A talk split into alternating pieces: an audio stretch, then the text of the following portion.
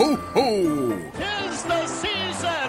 La, la la la la la la Fontaine! We have fun with Santa, but we should always remember 25th, baby Jesus born. I dag skal vi snakke litt om NHLs fremste fitnessguru, nemlig Gary Roberts. Vingen spilte for lag som Calgary Flames, Toronto Maple Leafs og Pittsburgh Penguins over en 23 år lang karriere fra 1986 til 2009. Og det var mye takket være hans enorme fokus på ernæring og trening. Men saken var ikke alltid sånn. For da Roberts kom til sin første training camp med Flames i 1984, så regna han med at lacrosse-treninga han hadde fått den sommeren, ville være mer enn nok.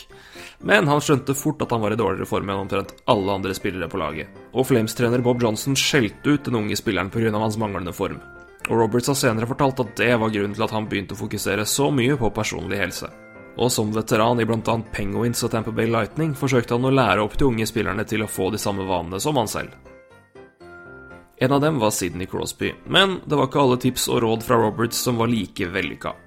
Eksempel var Crosby hjemme hos Roberts en sommer for å trene med veteranen.